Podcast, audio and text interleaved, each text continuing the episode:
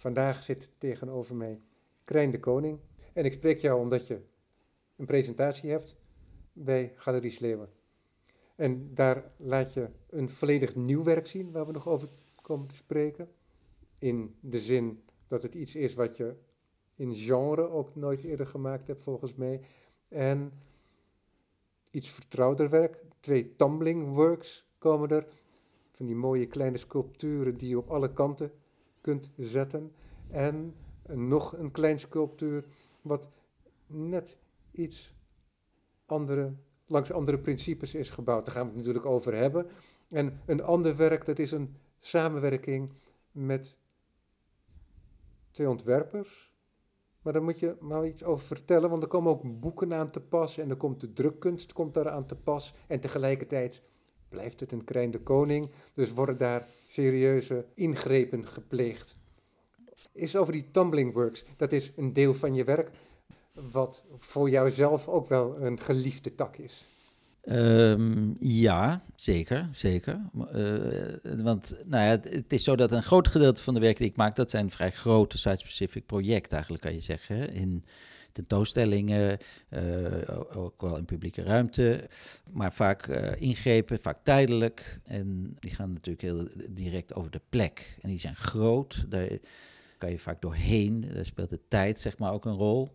Dat is een werk wat mij heel, heel erg interesseert. Wat, waar, voor mij nog steeds heel veel ook in te onderzoeken is en, en uit te vinden en veel plezier ligt. Maar ik maak ook wat kleinere werken. En dat doe ik al, al veel langer hoor, uh, maar niet zoveel. Bij dat soort werken, waarvan er ook sommige een aantal in uh, oplages zijn.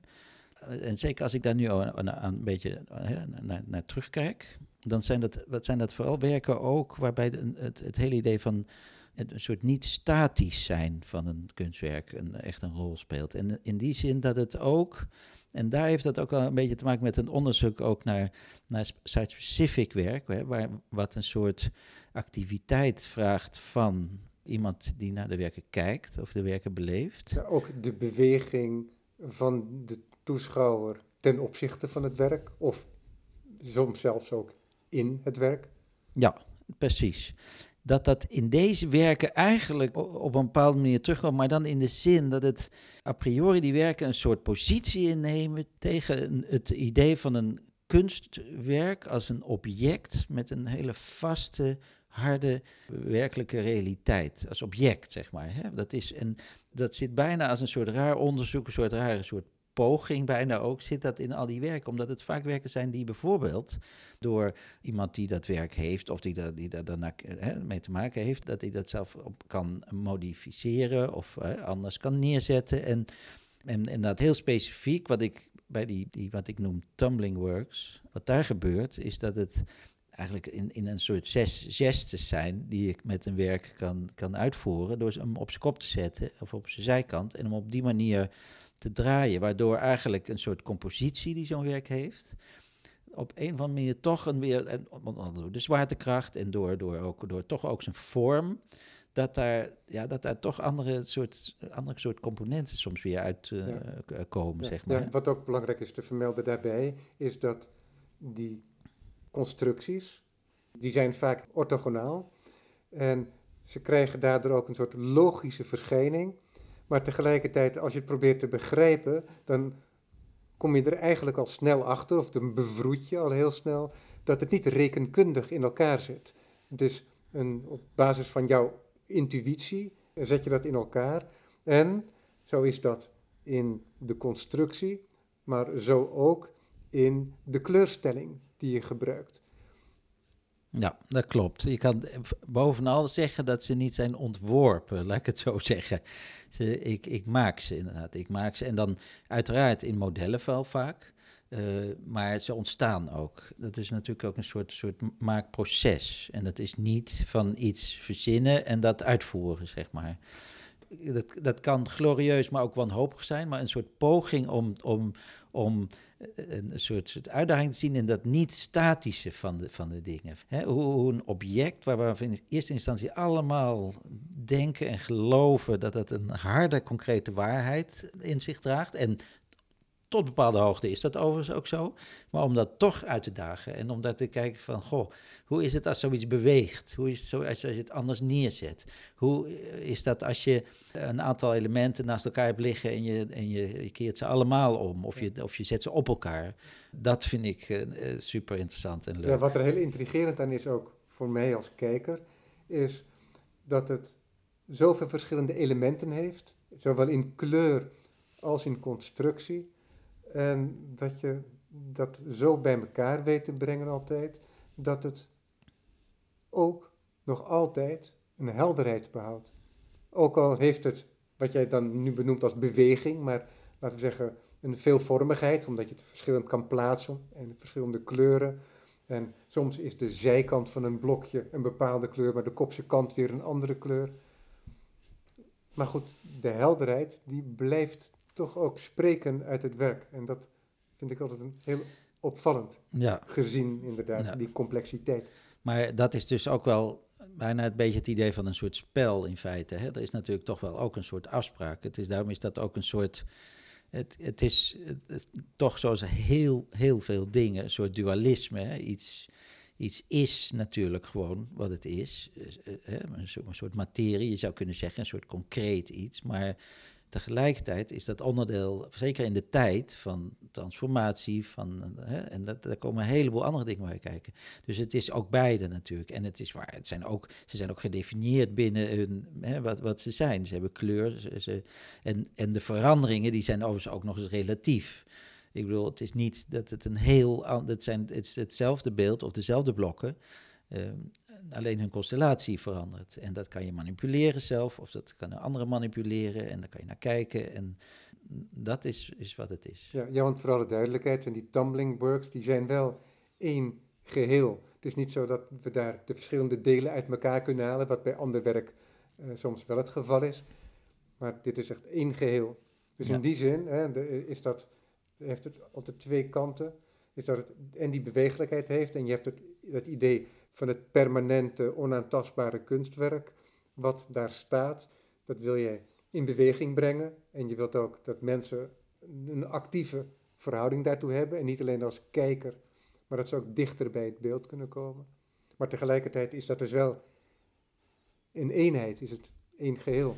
Ja, en dat is ook voor mijzelf is dat interessant. En, daar, en wat daar ook in komt kijken, dat is enerzijds uiteraard een absoluut ook een soort compositair-achtig werk. Dat is ook met een tekening zo. Hè? Als je, uh, een tekening heeft vaak ook een bodem, heeft een horizon. Uh, dat heeft een beeld helemaal. En als je dat omdraait, dan verandert de compositie. Dan blijkt bijvoorbeeld dat het, als je het omdraait, is het boven in één keer topzwaar in zijn compositie of niet. En er zijn allerlei dingen die, die dan gebeuren. En hoe, wanneer is dat een ruimtelijk geheel? Dat is wat super interessant is, vind ik. Dat is, dus dat is één ding. En dat is echt een, een kwestie van draaien, plakken, eh, schilderen, aandacht vragen voor plekken of niet, dingen weghalen. En dat is een heel geconcentreerd werk uiteraard. Dat gaat eigenlijk heb je een soort uh, vermenigvuldigen je eigenlijk je, je complexiteit in van hoe zo'n werk in zijn vorm, hoe dat mooi is, wel of niet, of eh, wel of niet evenwichtig en wanneer dat daar wel chaos in ontstaat of niet. Ja, de variabelen nemen enorm toe met die zes verschillende mogelijke draagvlakken. Ja, maar tegelijkertijd heeft het, en dat gaat echt hand in hand, en dat vind ik ook eigenlijk ook wel heerlijk ook, en ook is het een soort bijna heel pragmatisch iets. Want je hebt een soort blok, en dat wil je op alle kanten wil je dat kunnen zien. Goed, om dat neer te zetten moet je dus wel zorgen dat er dan een pootje uitsteekt, die, dat die op drie punten in ieder geval staat dan en niet omvalt. Dus en het samengaan van een soort pragmatisch iets wat ervoor zorgt dat een werk staat. En als je dat omdraait, dat je dan, hè, je moet toch ergens drie punten hebben die op één vlak uitkomen. En als je het weer draait, ook. Ja, het moet constructivistisch en visueel moet het overeind blijven. Ja, en technisch ook. Ja. Althans, dat vind ik interessant om dat als afspraak te hanteren. En dan, dat gaat het hele hand in hand met een soort heel direct intuïtief pragmatisme. En uiteindelijk ook een doel wat, waar dat allemaal weer een rol in speelt. Van wat is uiteindelijk dan het beeld, wat is de, uh, de, de compositie en hoe, hoe werken dan weer die, die pootjes die uh, erboven en links en rechts uit, uitsteken wel of niet? Of als dat vlakken zijn, hoe werkt dat? Nou, dat is voor mij een, een, een, groot plezier ook hoor, om, om, om daarmee te werken of te puzzelen. Dus dat zit, hem, dat zit heel erg in, die, in dat soort werken. En dan heb je ook nog eens het kleur wat daar een rol is voor mij is dat inderdaad iets wat mij heel erg eh, interesseert, wat ook een ontzettend plezier is. Ja, ja, want over die kleuren. Je hebt een heel eigen kleurgebruik. En als ik je daarna vraag, dat heb ik wel eens gedaan en dat doe ik nu weer, zeg je, ja, daar heb ik geen vooropgezet plan. Ik creëer niet als zodanig een palet. Nee, ook niet, weer niet in de zin als je, alsof je dat zou vormgeven. Dat sowieso niet. Aan de andere kant heb je natuurlijk ook een soort houding zoals een schilder wellicht meer. Hè? Dat je natuurlijk gewoon je pakkleuren, je mengkleuren, je voelt intuïtief. Ik wil hier iets roods, ik wil tot een bepaalde hoogte zit dat er ook wel in. Maar je hebt Zeker. daar toch een enorme vrijmoedige houding toe, lijkt dan. Want omdat je ook kleurcombinaties kiest en kleuren kiest, ja, misschien zijn ze voor jou heel vanzelfsprekend. En zo komen ze ook over. Maar ze leveren zoveel kijkplezier op. Maar het is, je kiest niet de gemakkelijke weg. Met de hoeveelheid kleuren ook die je soms kiest. Ja, maar dat bijvoorbeeld is ook wel iets wat, wat natuurlijk enorm kan veranderen door jaar. Laat ik zo zeggen, als ik echt terugdenk aan toen ik op een opleiding zat. In het begin ook van mijn werken, toen had ik een, beperkte ik mijzelf ook tot een hele simpele uh, kleurkeuze. Dat wil zeggen, ik, weet nog, want dan. Voor mij was kleur was wat in de potjes ver van de HEMA zat. In de zin, je had rood, je had blauw, geel, zwart, wit uh, en groen. Bij wijze van spreken. En die waren allemaal een soort uh, soort algemene variant van, van zo'n kleur. En een tijdje heb ik dat eigenlijk gewoon gebruikt. En dat is een beperking, maar daar kon ik mee overweg. Want dan ging het voor mij om de contrasten tussen, et cetera. Maar goed, en dat is het mooie met kleur. Dat ik mij daar in de jaren natuurlijk veel meer heb, heb van geleerd, heb in kunnen permitteren. En, en, en ben dingen gaan gebruiken. En het allerbelangrijkste daarvan is natuurlijk vooral dat je dat doet in een soort uh, vrijheid. In een soort conceptuele vrijheid, artistieke vrijheid, in een soort eh, dat is dus, en intuïtie speelt daar een rol bij plezier, maar ook natuurlijk, ook wel natuurlijk de reflectie, zeker, zeker. Het lijkt mij sowieso, is dat iets wat onderdeel is van, van, van wat hoort bij een soort vrijheid die je zelf natuurlijk moet kunnen permitteren als je met dit soort dingen uh, werkt. En, en, maar goed, dat is, ook dat is altijd zo'n samengaan hè, van analyse en intuïtie. Die, Dat zijn twee dingen, dat, dat is allebei is dat, zijn dat volwaardige uh, zaken hè? En, en, menselijke zaken ook. Dus die, die combinatie zit daar altijd in. je gebruikt al het woord plezier. En dat is een heel groot woord in deze relatie. Normaal gesproken is het een vrij luchtig woord. Want dat plezier is ook de wijze waarmee jij naar de wereld kijkt. Hè? Want als ik met jou een wandeling maak door de stad, dan zou ik vaak onderbroken worden, omdat jij je ogen voortdurend, ook tijdens een gesprek, de kost geeft en dingen ziet. En mensen kunnen dat ook zien via jouw Instagram-pagina. Dus het blijft voortdurend gaan en het is een verhouding met de wereld waarbij je verwondert, waarbij je eigenlijk ook je eigen werk soms projecteert in de reeds bestaande werkelijkheid. Maar het is ook een manier van jou om heel goed naar die wereld te kijken. Met site-specific werken zien we dat ook. Is dat je heel erg bewust bent van wat een bepaalde architectuur doet. En soms maak je dingen die meewerken met de architectuur om iets te tonen van die architectuur. Soms werk je er juist tegen in. Dus in het woord plezier in jouw werk, daar zit ook een soort ethisch facet zit daaraan. Ja. Voor mij. Ja, ja, dat, maar dat, ja, dat, dat, zit, dat, is, dat heeft waarschijnlijk ook wel inderdaad te maken met kijken. Met het, hè, dat, eh, en ergens is dat misschien een soort klassieker hè, in, de, in de kunst natuurlijk. Hè. Ik bedoel, de, de, de, core business is kijken eigenlijk. Hè. Dat, is een, dat is natuurlijk. En voor mij is kijken inderdaad, heeft, dat komt bij mij soms heel dicht op denken ook. Dat, dat kijken denken is. En het, is natuurlijk ook een energie en het is een, het, is een, het, het, het voedt en het, en het, uh, het, het reflecteert Je, als je, je, je bent natuurlijk toch een, een, als persoon een rare gesteldheid die rondloopt in deze realiteit. En, en, en die concentratie in, in zien. En, heeft misschien ook te maken met het, het, het, het voelen dat je leeft natuurlijk. Zien, dat, wat dingen zijn, kleur zien, licht zien. Uh, en dat zijn dan nog formelere dingen, zou je zeggen. Maar nog wonderlijker en bijzonder wordt het om bijvoorbeeld andere mensen weer te zien. Dan, dat zijn nog veel rijkere realiteiten. Nou, dat, alles wat, alles wat, wat je kan zien is voor mij wel een heel belangrijk, ja, iets wat, zich, wat zien, mij bepaalt. zien, maar de tast speelt daar ook in een rol dus. Omdat we, het bewegen door een kunstwerk, wat ook vaak een uitnodiging is om een interactie aan te gaan met het kunstwerk, door erop te lopen, te zitten, er doorheen te gaan, of door het te keren, zoals met de Tumbling Works.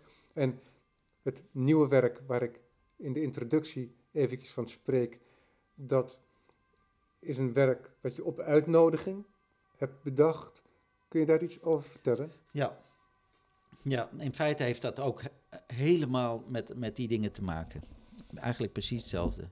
Maar uh, dit was alleen uh, naar aanleiding van een hele specifieke vraag van uh, René Put en Brigitte Groting van Collect Editions.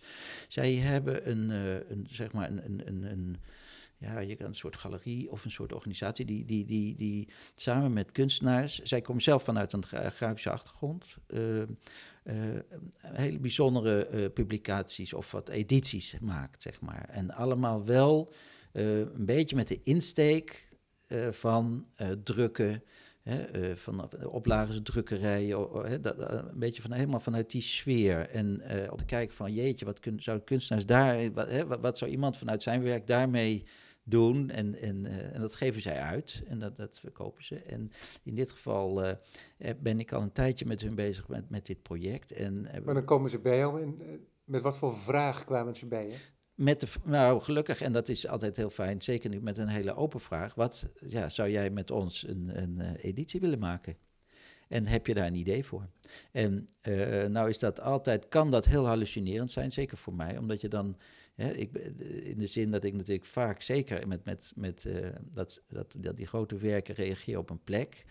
Uh, maar dit was natuurlijk een extreem uh, open uitnodiging van nou. Maar dat raakte mij wel al snel aan een idee, wat ik, wat ik ook al eens een keer had, had geformuleerd voor mezelf, dat dat interessant zou zijn om te kijken of je in een bestaand iets zou kunnen drukken. Iets wat al bestaat, dat je daar in een soort transformatie eh, in zou kunnen bewerkstelligen door het iets daarin te tekenen of te Net drukken. Net zoals je dat soort transformaties in bestaande architectuur soms doet. Ja, in die opzicht is dat eigenlijk was een, is dat een logisch verlengde van wat mij sowieso obsedeert. Dat je, er, is, er is iets, er is een soort, soort plek of een, een realiteit, of dat nou inderdaad hè, een, een, een boek is of, of, een, of een ruimte, om daarin te opereren. En met alles wat je kan en wat je hebt en wat je wil. En in dit geval is het zo dat ik heb bedacht van wat een heel interessant vertrekpunt zou kunnen zijn is iets wat ook letterlijk, als je dat nu gebruikt, getransformeerd wordt, ook in, in alles. Dat wil zeggen, het idee is, en dat hebben we nu, is om een hele serie Encyclopedia Britannica, en in dit geval in uit 1963, mijn geboortejaar is, by the way, maar dat is dus ook een soort toeval. Dus om die te nemen en die als editie uit te geven, door daarin een werk te maken. Waardoor er een aantal dingen gebeuren. Ten eerste is het zo dat die encyclopedia die waren vroeger heel veel geld waard. En dan spaarden mensen echt maanden voor. Dan kregen ze weer een deel en dat kostte heel veel geld. En dat, dat stond dan op de, op de boekenplank. Ja, en wat ook belangrijk is, dan onderbreek ik je even, is zo'n Encyclopedia Britannica, die volgens mij voor die editie uit 67 of 63, die zo'n 22 delen beslaat, als ik het goed heb. Die 22 delen, die bevatten in zekere zin de universele kennis over de wereld. Ja, zeker. Wat een dus prachtig... Het is, het is als het ware een architectuur in woorden van onze kennis van de wereld. Ja, en dat was natuurlijk uiteraard iets heel serieus. Je kan, het, eh, je kan ook zeggen licht grotesk, maar heel serieus. Want dat was natuurlijk wel de bron van hele snelle, korte, maar wel al, alle informatie over allerlei dingen. Uh, wat natuurlijk, en dat is allemaal natuurlijk heel logisch overigens, in, de, in, deze tijden allemaal is ingehaald door internet en et cetera. Dus deze, deze grote... Uh, ja, ingehaald, maar tegelijkertijd ook nog niet. Ik gebruik de Encyclopedia Britannica nog altijd, omdat het toch specialisten die lemma's hebben geschreven. Ja. En het ook een specifieke kennis van een bepaalde tijd. Het is heel interessant om de editie uit 63 te vergelijken met die van 1998 bijvoorbeeld. Ja, ja, ja. Nou, dat, ja, dat zullen niet veel mensen zijn, denk ik. Maar het is, jij, hebt, jij hebt wel gelijk. Maar in principe is het natuurlijk zo dat deze uh, enorme uh, hoeveelheid boeken, die kan je nu echt voor nop, kan je die natuurlijk in uh, tweedehands winkels kopen, zeg maar. En dus die, hele, die hele waarde daarvan, die is volstrekt gereduceerd. En een van de dingen is natuurlijk, eh, als je die weer helemaal als je hergebruikt en tot iets nieuws maakt, transformeer je zo'n zo'n heel, uh, zo'n hele serie tot eigenlijk weer een heel mooi, precious soort, soort uh, ja, ensemble, zeg maar. Dat en, wij, is, ja, en wij nemen dit gesprek op voorafgaand aan de tentoonstelling, die is er nog niet. Wat gaat er gebeuren, Krijn? Want het speelt zich nu zo'n beetje af het, wordt, het wordt nu gemaakt. Ja, dat klopt. En het wordt dan dus in bij overigens, en dus dat is de samenwerking met uh, Martita in de Galerie Sleven, wordt dat gepresenteerd voor de eerste keer. Wat, er, wat we hebben gedaan is op ieder, ik heb een tekening gemaakt die op iedere rechterpagina van ieder boek wordt afgedrukt. Dat is een, een, een, een soort compositaire tekening, een soort vlak is dat in, in, in blauw. Ja, dus als een plattegrond ziet het er bijna uit ja, op de tekst. Ja, de, alle delen worden helemaal uit elkaar gehaald en die worden opnieuw bedrukt. Op de rechterpagina komt een tekening. En die tekening, dat vlak, dat is redelijk transparant. En dat komt op iedere pagina. Dus iedere pagina is anders. Niet door mij, maar door het feit dat, dat, dat de bladspiegel anders is. Ja.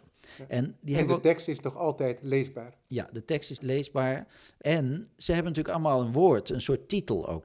Er komt natuurlijk een soort aandacht op die pagina al, door die tekening, door die, eh, ook, uh, ook grafisch al, hè, met plaatjes, met teksten.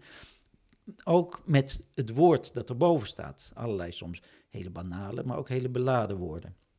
Vervolgens is het zo dat in dat boek zijn een aantal uh, ruimtes gestanst waar ik weer blokjes voor heb gemaakt, aluminiumblokjes, met allemaal kleuren. En al die maten, die komen overeen, die zitten ook in die tekening en die zitten ook in de gaten die zijn gemaakt, of de, de volumes, zeg maar, voor die blokjes.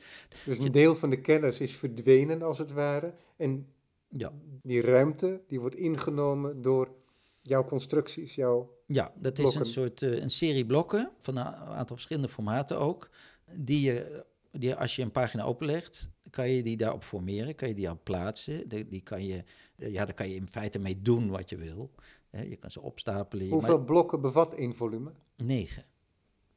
Ja. En die, die gaan van klein naar wat groter. En die hebben een, stuk of eh, acht kleuren, geloof ik. Of negen kleuren zitten er allemaal ook doorheen. Ja, die kan je gewoon plaatsen. Een soort spel. En dat kan je doen naar aanleiding van een pagina of naar aanleiding van een beeld. Of naar aanleiding van... Of, of zomaar. Dat is eigenlijk dan het een, Ja, want die werken maar, en, buiten en in het boek. Ja, en één, uh, zeg maar, één boek is dan één, is één exemplaar van de, van de editie. Dus de oplage is in dat, ik weet niet, ja, 22 ik, of ja, 24. mijn hoofd is het 22 ja. of 23 delen. Ja, ja. En dat natuurlijk weer wel gebonden ook. Hè? Dat is natuurlijk ook zo. Dus er zit weer een, een, Ja, ze zijn uit elkaar gehaald en ze worden weer ingenaaid en ja. gebonden. Ja. Ja, dus dat is, ja, dat is super, uh, super spannend en super leuk om te zien straks. Ik ben zelf ook heel benieuwd. We hebben uiteraard een prototype eh, laten maken en dat, is, het ziet er prachtig uit. Ja. ja, want er staat er hier alleen één pagina op tafel hè, van een reeds gedrukte pagina. Ja, dat, is, uit het prototype. Dat is, dat. pagina Trust, heeft hij als titel. Pagina 517. Ja, Trust. Trust. Die heb ik, uh, ja, ik heb er een aantal uitgehaald uit, die, uit het prototype wel. En daar heb, ik een nieuw, daar heb ik een tekening op gemaakt. Dat is, dat is een losse serie even op. Ja, precies. En vervolgens is datgene wat gedrukt is, hè, wat, wat eruit ziet enigszins als een plattegrond, maar ook als een bovenaanzicht bijvoorbeeld of een zijaanzicht van een van jouw sculpturen. We zijn niet opeens in een vreemde wereld beland. We zijn nog altijd in de kleine koningwereld. Ja. En dan heb je ook het gedrukte deel heb je gemarkeerd met een A. En de niet met kleur bedrukte delen, maar wel natuurlijk met tekst bedrukte delen, die zijn gemarkeerd met een B. Ja, dat is even in deze tekening alleen. Hè. In het boek is dat gewoon... In het boek is dat niet het nee, geval. Nee, nee, nee, Ja. nee. In het boek is het gewoon een, een, een vlak wat Ja. zich iedere keer... eh, ja, wat, wat, wat iedere keer een relatie aangaat met eh, de pagina waar die op is gedrukt, uiteraard. En dan zitten daar wel of niet gaten in, of ruimtes in. En dan heb je blokjes die daarop kunnen opereren. Dit is een tekening die heb ik apart gemaakt. Maar die gaat wel ook over iets wat, ik, wat in het boek voor mij ook wel belangrijk is. Dat is een soort raar, eh, soort raar huwelijk van een soort fysieke... eh, compositaire realiteit met kleur en met, eh, hè, met wat een soort spel, ook dus waar ook dat niet statische in zit en wat kan veranderen, et cetera. Met een soort enorme zware idee van betekenis eigenlijk. Die zit bijvoorbeeld vooral ook in zo'n encyclopedie. Hè, daar staat een woord en dat woord wordt helemaal uitgelegd. Dat heeft een betekenis en dat is de waarheid. Die sfeer, dat karakter, dat zit daar omheen. En met betekenissen is dat natuurlijk heel interessant, want dat zijn, dat, dat zijn maar een paar aantal letters. En je, het is heel interessant hoe, hoe, dat ook daar, hoe- hè, dat, dat hele rare spel tussen iets wat heel, enerzijds in, in, ook in onze beleving en ook met reden, hè, een soort ha- harde werkelijkheid eh, voorstaat, die bijvoorbeeld maakt dat we elkaar begrijpen, dat we kunnen communiceren. Maar natuurlijk ook, als je daarover nadenkt, bij uitstek, eh, waar je alle kanten op mee kan. En dat, Maar daar is ook een diepere relatie met jouw werk. Want jouw werk is enerzijds duidelijk gemaakt na, laten we zeggen, een Donald Judd, hè, na een Ellsworth Kelly.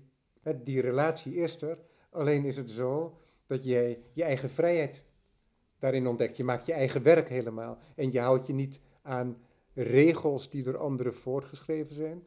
Dus enerzijds is er wel een soort invloed van een bepaalde onverbiddelijk minimalisme, maar tegelijkertijd hou je je er helemaal niet aan. Jij doet ook dingen die daar helemaal recht tegen ingaan. Je bent, eh, Ja. je houdt je niet in in de zin dat je het volume ook tegelijkertijd als figuur gebruikt door alleen de vlakken te verven en niet het hele blok in zijn geheel. Dat is heel, heel veelzeggend. Dus in die zin zit daar ook al een soort vrijheid in, waarmee je zou kunnen zeggen dat je een soort alledaagse veranderlijkheid in die abstractie brengt. En die zou je kunnen zeggen ook in de omgang met die grote termen, zoals hier trust bovenaan deze pagina. Wat dat zou kunnen zijn. En het is natuurlijk ook zo dat ook als je als filosoof over dat soort termen zou gaan nadenken, dan merk je ook hoe veelkleurig die zijn en van hoeveel kanten die je ook kunt bezien. Net zoals dat jij heel graag dingen van andere kanten probeert te bezien en ook verschillende zichtslijnen op één enkel werk probeert te tonen. Dus, dus het leven ermee. Hè, want zo'n boek is één ding, maar het ermee werken is weer iets anders. En dat is ook wat jij met jouw werk doet. Je hebt die prachtige kubieke blokjes die jij maakt. Die hebben hun eigen rechtlijnigheid, hun eigen orthogonaliteit. En tegelijkertijd laat je daarin ook een enorme bewegelijkheid zien in die onveranderlijke vorm. Ja.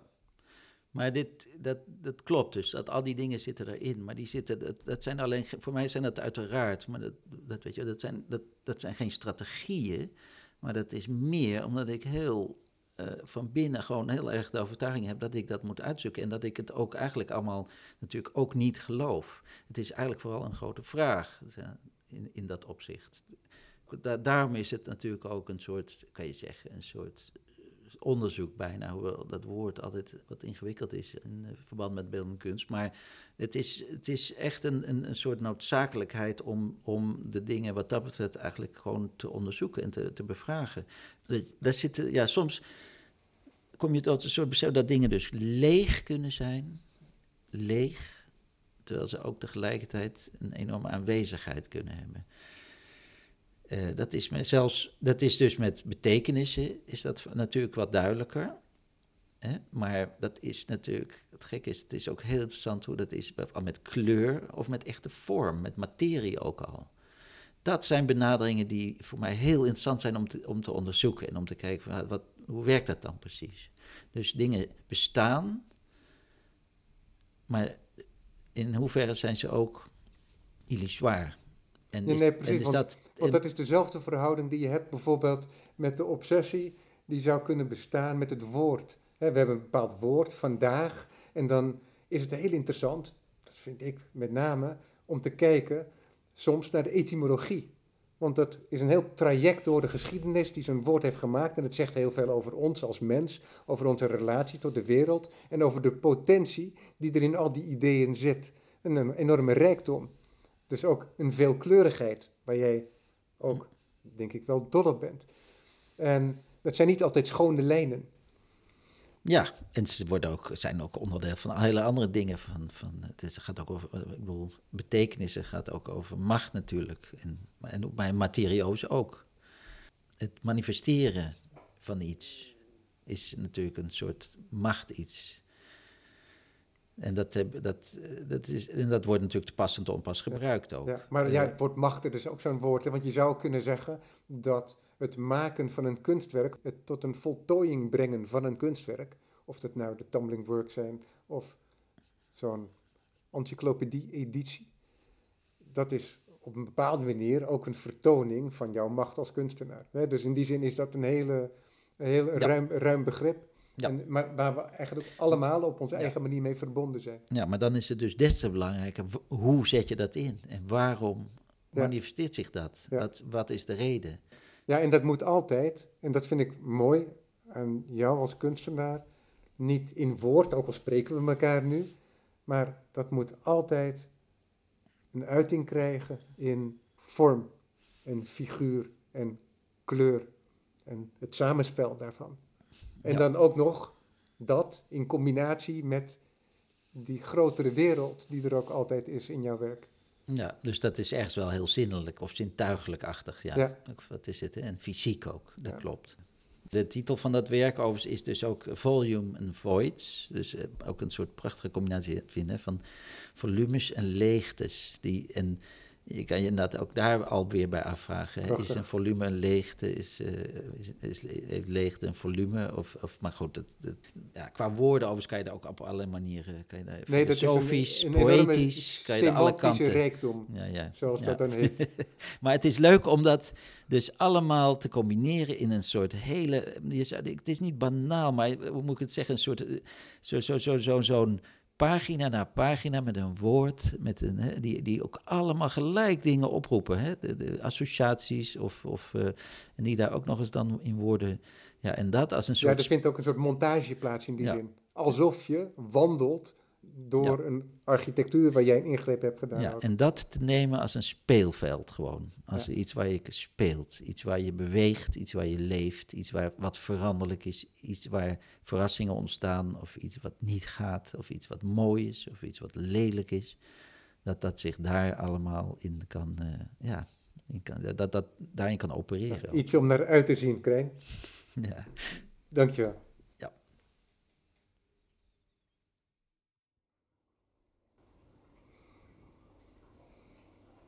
Komende half uur heb ik een gesprek met pianist en ook artistiek leider van het Ives Ensemble, John Snijders. John Snijders die is toevallig even in Nederland en daar maak ik gebruik van, omdat hij het afgelopen voorjaar een cd heeft opgenomen met werk van componist Christopher Fox, geen onbekende van het Ives Ensemble. En die cd die heeft de titel, heel eenvoudig, Music for Piano, verschenen bij Wood Records. Dat is een maatschappij waar jullie al heel veel CD's hebben laten verschijnen, John. Ja, klopt. Ook met werk van Christopher Fox al? Uh, nee, hij heeft wel andere werken, uh, andere CD's met werken van hem op het label, maar daar zit, zijn wij niet bij. We hebben wel CD's met hem uitgebracht, maar weer op, ander, op andere labels. Maar dit is de eerste Fox CD voor uh, Hathood. Dit is een samenwerking met een componist met wie jullie al vaker te maken hebben gehad. Hoe zit die relatie in elkaar? Ik ken Chris al heel erg lang. We hebben elkaar uh, leren kennen in 1990 toen ik in uh, Darmstadt was, in de, de voor Neue Muziek, beroemde nieuwe muziekweken die daar één keer in de twee jaar zijn in de zomer.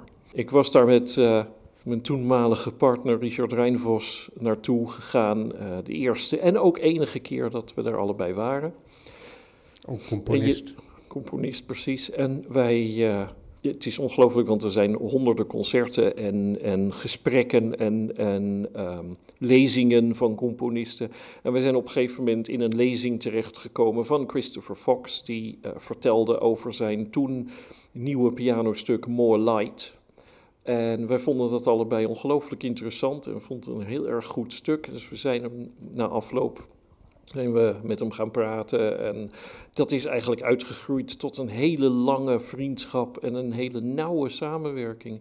Hij heeft iets van, ik geloof nu vier stukken voor mij geschreven uh, als pianist. En hij heeft een aantal hele grote stukken geschreven voor het Ives Ensemble. Dus ja, wij werken echt heel regelmatig samen. We kennen elkaar eh, van binnen en van buiten, zeg maar. Wij kwamen elkaar onlangs toevallig tegen in een galerie in Amsterdam. Ja. Eergisteren was dat, meen ik. En toen overhandigde hij mij dus deze nieuwe CD, waarop oude werk staat, maar ook recenter werk. Dus het oudste werk, dat dateert uit 1988, More Light. En recentere werken zijn de Red Studio, verwijzend naar de Rode Studio van Matisse. En The Calm of Mountains uit 2018. Zitten hier ook specifieke werken bij die voor jullie gecomponeerd zijn? Of is dat nu niet het geval? Nou, voor mij, dit heeft verder uh, met het Ives Ensemble ja, natuurlijk niks te maken. Ja. Het zijn alleen maar piano-solo-stukken. Maar zeker, ja, uh, The Red Studio is voor mij geschreven. En het stuk uh, You, Us, Me is ook voor mij alweer wat langer geleden. You, you Us, Me is een stuk dat, um, dat hij heeft geschreven als onderdeel van een project waar ik toen de tijd aan bezig was, waarbij ik componisten vroeg om een stuk te schrijven dat gaat over de opera Carmen van Bizet. Want ik was heel erg gek op die opera, ben ik nog steeds trouwens. En ik dacht, uh, analoog aan wat andere projecten van pianisten, zoals Aki Takahashi, uh, Japanse pianisten die toen, uh, die in de jaren tachtig geloof ik, componisten vroeg om een tango te schrijven. En ik dacht, ja, ik, het lijkt me leuk om mensen te vragen om iets over Carmen te schrijven. En uh, Chris was er daar één van. Die heeft toen een stuk geschreven waarin hij um, de habanera uit Carmen verbindt met Night and Day van Cole Porter. En de titel You Us Me komt uit een boek dat hij toen de tijd aan het lezen was. En, uh, het, een heel interessant boek, ik moet even de precieze titel erbij pakken. Het is een uh, boek van een uh, Franse filosoof uit 1979, Catherine Clément. Dat boek heet L'Opéra ou la défaite des femmes. In het Engels Opera or the Undoing of Women. ik weet niet hoe je het in het Nederlands het beste zou kunnen vertalen. Ja, de, défaite is het, het ontdoen, hè, letterlijk. Dus dat zouden wij ook kunnen vertalen. Défaite wordt ook gebruikt als nederlaag. Ja, en, en het, gaat, het boek gaat over opera in het algemeen. En dat in opera over het algemeen de vrouwelijke hoofdpersonen vrijwel altijd of vermoord worden of op een andere gruwelijke manier aan hun eind komen. En Carmen is een van de, van de hoofdstukken in het boek. En You Us Me komt, uh, komt ergens in een zin in dat, in, in dat boek, in dat hoofdstuk voor. Dus dat vond hij wel een goed idee om dat te gebruiken. Het is, uh, het is intrigerend, uh, intrigerend gegeven eigenlijk. De, de, min of meer de vrouwvijandigheid van opera in het algemeen door de eeuwen heen. Mooi ook hoe zo'n vraag, die geboren is uit een liefde van jou voor zo'n opera ja. van Bizet, hoe dat dan tot nieuwe werken leidt als je die vraag dan uh, stelt ja, aan ja, componisten die je kent. Ja, ja. ja dus de, eh, dat stuk en The Red Studio heeft hij een paar jaar geleden voor me geschreven. Toen we uh, in gesprek raakten over een, een gedeelte van mijn 19e eeuwse muziekonderzoek. Dus ik geef les aan de Universiteit van Durham in Noord-Engeland en daar doe ik onder andere onderzoek naar 19e eeuwse uitvoeringspraktijk. En uh, onderdeel daarvan is iets dat heet preluding. En dat is de gewoonte van pianisten dat je twee stukken die achtereenvolgend op een concert staan, moet verbinden door daar een stukje tussen te improviseren. Zodat je eh, van de ene naar de andere toonsoort wandelt en een beetje de, vast de thema's laat horen waar het volgende stuk over gaat. Of gewoon een beetje alleen maar uh, van toonsoort naar toonsoort met enige, enige riedels als je niet zo goed kan improviseren. En dat is iets dat in de 19e eeuw heel stelselmatig gebruikt werd, heel extreem gebruikt werd zelfs. We denken dan uh, dat het misschien uh, per stuk van één stuk naar het andere stuk ging. Maar we weten bijvoorbeeld van Schumann dat hij in zijn pianostuk Variation Symphonique, dat zijn gewoon een variatiereeks, zelfs op een gegeven moment heeft gezegd dat het heel goed zou zijn als de pianist voor iedere variatie nog een kleine improvisatie zou doen. Dat is ook echt het teken van een levende en een levendige traditie. Absoluut. Een traditie die um, uh, verstijft, ja. gaandeweg. En van... verdwijnt ook. Ja. Want uh, die traditie is eigenlijk begin 20e eeuw helemaal uitgestorven. En uh, nu is die eigenlijk weg. Er zijn een paar mensen die proberen dat een beetje nog wel weer te doen nu. Maar zijn daar aanwijsbare redenen voor? Hè? Ik gaf zojuist eventjes aan, ja, we verwijderen ons van dat moment mm. in tijd. Maar dat is geen oorzaak?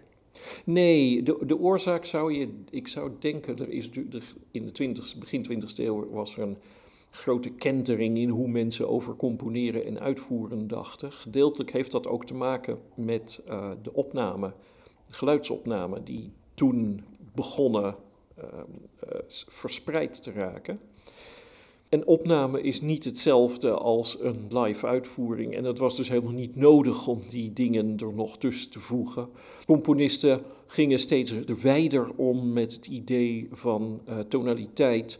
Dus je had ook niet meer nodig om van de een naar de andere tonaliteit te komen. Het idee dat stukken één geheel zijn en je ze dus als complete cyclus zou moeten spelen, was ook niet van belang in de 20e eeuw, uh, in de 19e eeuw, maar wel in de 20e eeuw.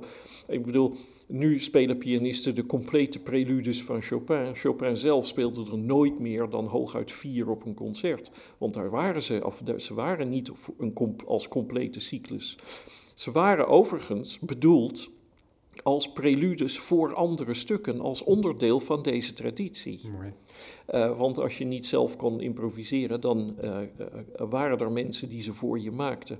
Hummel, Johan Nepomuk Hummel heeft een set geschreven, Chopin heeft een set geschreven, Busoni heeft nog in zijn jonge jaren een set geschreven, zo zijn er wel meer. Setten, sets preludes die je gewoon één voor één kan gebruiken tussen andere stukken in. En we raakten daar zo over aan het praten en Chris vond dat een heel interessant gegeven en die heeft dat toen op een gegeven moment gerelateerd aan het idee van uh, The Red Studio van Matisse, wat een schilderij is, waarin je zijn schilderijen aan de muur ziet hangen. En hij heeft toen een stuk geschreven waarin hij een paar niet gerelateerde stukken schreef, vier delen, en die worden voorafgegaan door preludes en er zitten interludes tussenin, die hij heeft uitgeschreven. Maar hij geeft in principe de, de pianist de mogelijkheid, de licentie, om die preludes zelf te improviseren als hij dat zou willen. Ik heb in de opname heb ik gewoon zijn eigen uh, preludes gebruikt, maar dat hoeft dus niet. En uh, ja, dat is een, een nogal groot stuk geworden dat ik in eerste instantie heb opgenomen voor de BBC. Uh, en dat is toen op de radio uitgezonden en daarna heb ik het een keer live uitgevoerd, maar niet zo heel vaak. En toen dachten we ineens, ja, dat moet natuurlijk als we toch een cd met je werk gaan maken, dan moet dat er absoluut op als het laatste grote stuk dat je voor mij hebt, specifiek hebt geschreven. En dat is dan een uitvoering met een bepaald gebruik van die mogelijkheid. Ja. Van het inpassen van preludes. Ja. Dus je hoort in principe nooit helemaal hetzelfde stuk. Sowieso niet in uitvoering natuurlijk, mm -hmm. maar dat in ogenschouw nemend. Ja. Dus ook niet wat de noten betreft die ten horen gebracht worden. Die mogelijkheid is er, ja. ja om, om, de stukken zelf zijn gefixeerd, maar de stukken daartussenin kunnen gefixeerd zijn, maar hoeven dat niet te zijn. Ja, ja door gedoe met rechten en omdat ik dit ook wil streamen, wordt Mhm. er in dit gesprek geen muziek gespeeld. Er is wel muziek van Christopher Fox. Ook op jullie Soundcloud-pagina staat er één Ja, stuk, zag ja. ik. Ook heel veel andere mooie stukken van Ja. andere componisten, maar ook één stuk van Christopher Fox. Daar kunnen mensen sowieso naar luisteren. Ik zal wel een linkje plaatsen in de de- hij heeft ook een website waar ook nog wat dingen op staan. En als je hem opzoekt op YouTube, kom je ook van alles en nog wat tegen. Dus, eh, Wat voor componist is deze Christopher Ah, Fox? ja, is dat, is een goede dat, vraag. Is dat te karakteriseren? Want jullie hebben een lange relatie. Ja. Hè, dus dan zou je kunnen zeggen, herken je heel gemakkelijk een stuk van Christopher Fox vandaag en van 1991, waar Worthless Leather bijvoorbeeld eh, uitkomt het jaar, of 92, You As Me. Ja, aan de oppervlakte zou je denken, het is een chameleon. En eh, bijna ieder stuk zou kunnen klinken alsof het door een andere componist gecomponeerd is. Dat is helemaal niet zo eigenlijk, maar hij heeft geen, wat dat betreft, geen eigen stijl, zoals je heel vaak van componisten denkt. Oh ja, dat herken je meteen, dat is Messiaen. Of, eh, oh ja, dit is typisch eh eh, Webern. Of dit is... Dat heeft hij helemaal niet. Eh, wat dat betreft werkt hij veel conceptueler. En een stuk kan heel minimalistisch zijn. Binnen het minimalisme kan dat ook heel ingewikkeld minimalistisch zijn, een raar soort atonaal minimalisme. Of hij kan ineens hele merkwaardige microtonale verglijdende klanken produceren of, of stukken die totaal eh, klinken alsof ze eh, tonaal 40 jaar of, of zelfs nog langer.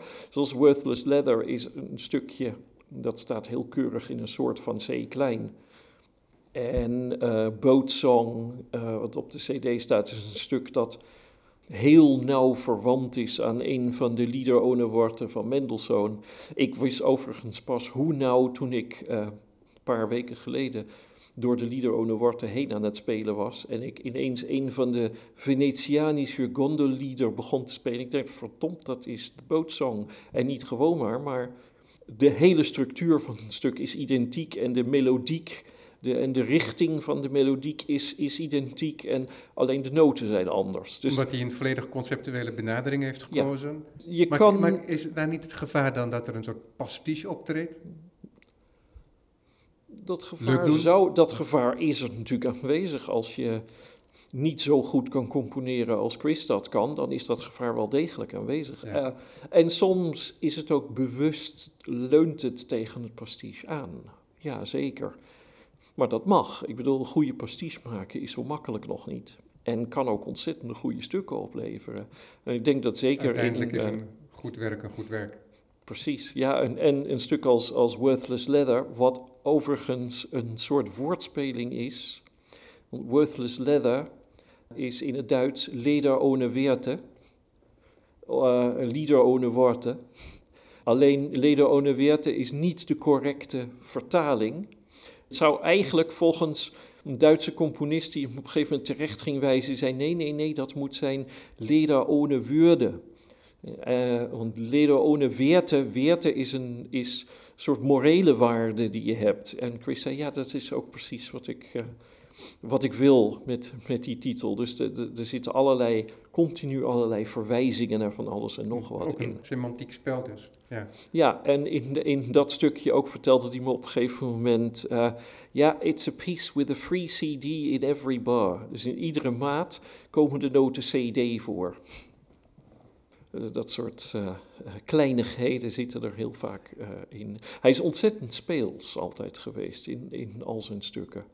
Ook in de hele serieuze stukken merk je een, een enorme speelsheid in, in concept en in regelgeving en in het soort muziek dat hij wil maken. En daardoor kan het iedere keer ook enorm anders uitpakken, stilistisch. Is dat puur plezier of is dat meer een soort lichtheid van zijn taal? Het is een lichtheid van zijn taal, ja, denk ik wel.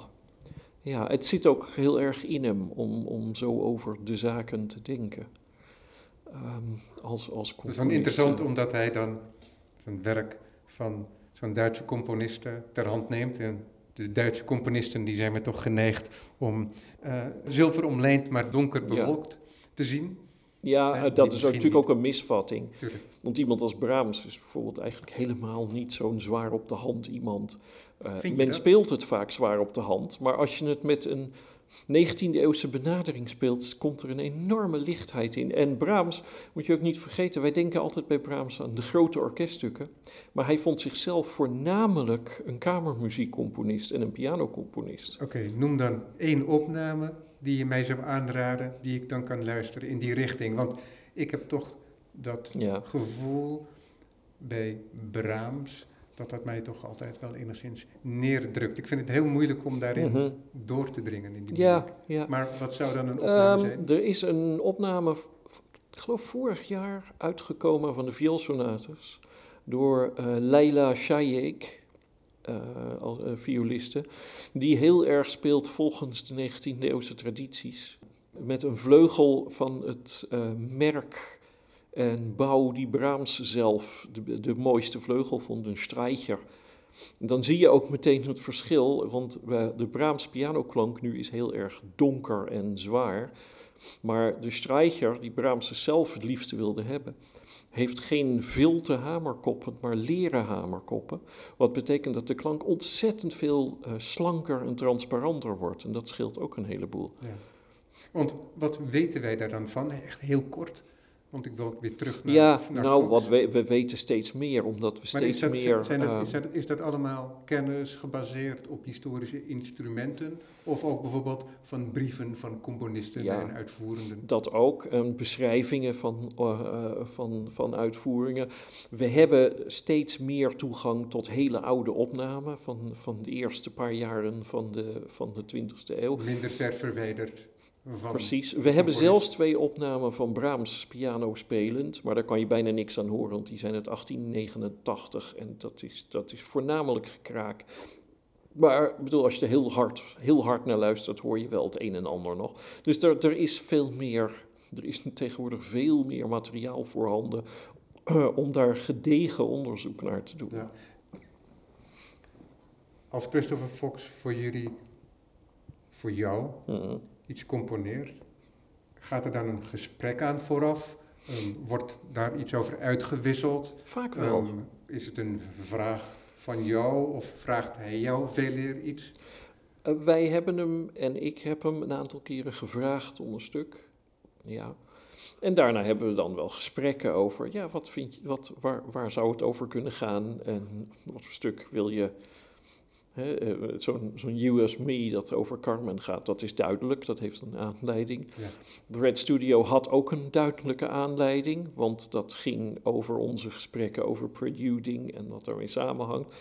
Eh, twee andere stukken, Lick en Relic, eh, heeft hij meer gewoon zelf geschreven dan hij dacht, dit past bij jou, zonder mij daar verder heel erg eh, mee lastig te vallen. En dat zijn stukken geworden die voornamelijk over Jerry Lee Lewis gaan. De, en voor het Ensemble, hij kent ons heel goed, dus eh, hij weet wat voor soort muzici we zijn en hij eh, kan daar heel goed op inspelen. Dus Hij schrijft echt stukken die ons min of meer op het lijf geschreven zijn. Interessant is dat toch, hè? want je zou ook uit dit gesprek al de indruk kunnen krijgen dat het enigszins een conceptueel componist is. Wat dat ook mogen betekenen. Mm. Hè? Maar dat hij bepaalde voorwaarden stelt en dat hij op basis van die voorwaarden iets gaat componeren. Dat is de indruk die ik Nou, dan heb. Omdat je ook net zei hè, dat hij niet een duidelijk identificeerbare stijl heeft Ja. op het eerste oog. Op het eerste oor is dat zo, ja. En als je zijn muziek beter leert kennen, dan kan je wel degelijk op een gegeven moment denken: dit is duidelijk een stuk van Chris. Ja, kan ik er wel heel duidelijk in horen nu. Eh, en natuurlijk, conceptuele componisten en conceptuele kunstenaars zijn niet altijd bezig met dingen buiten het concept om.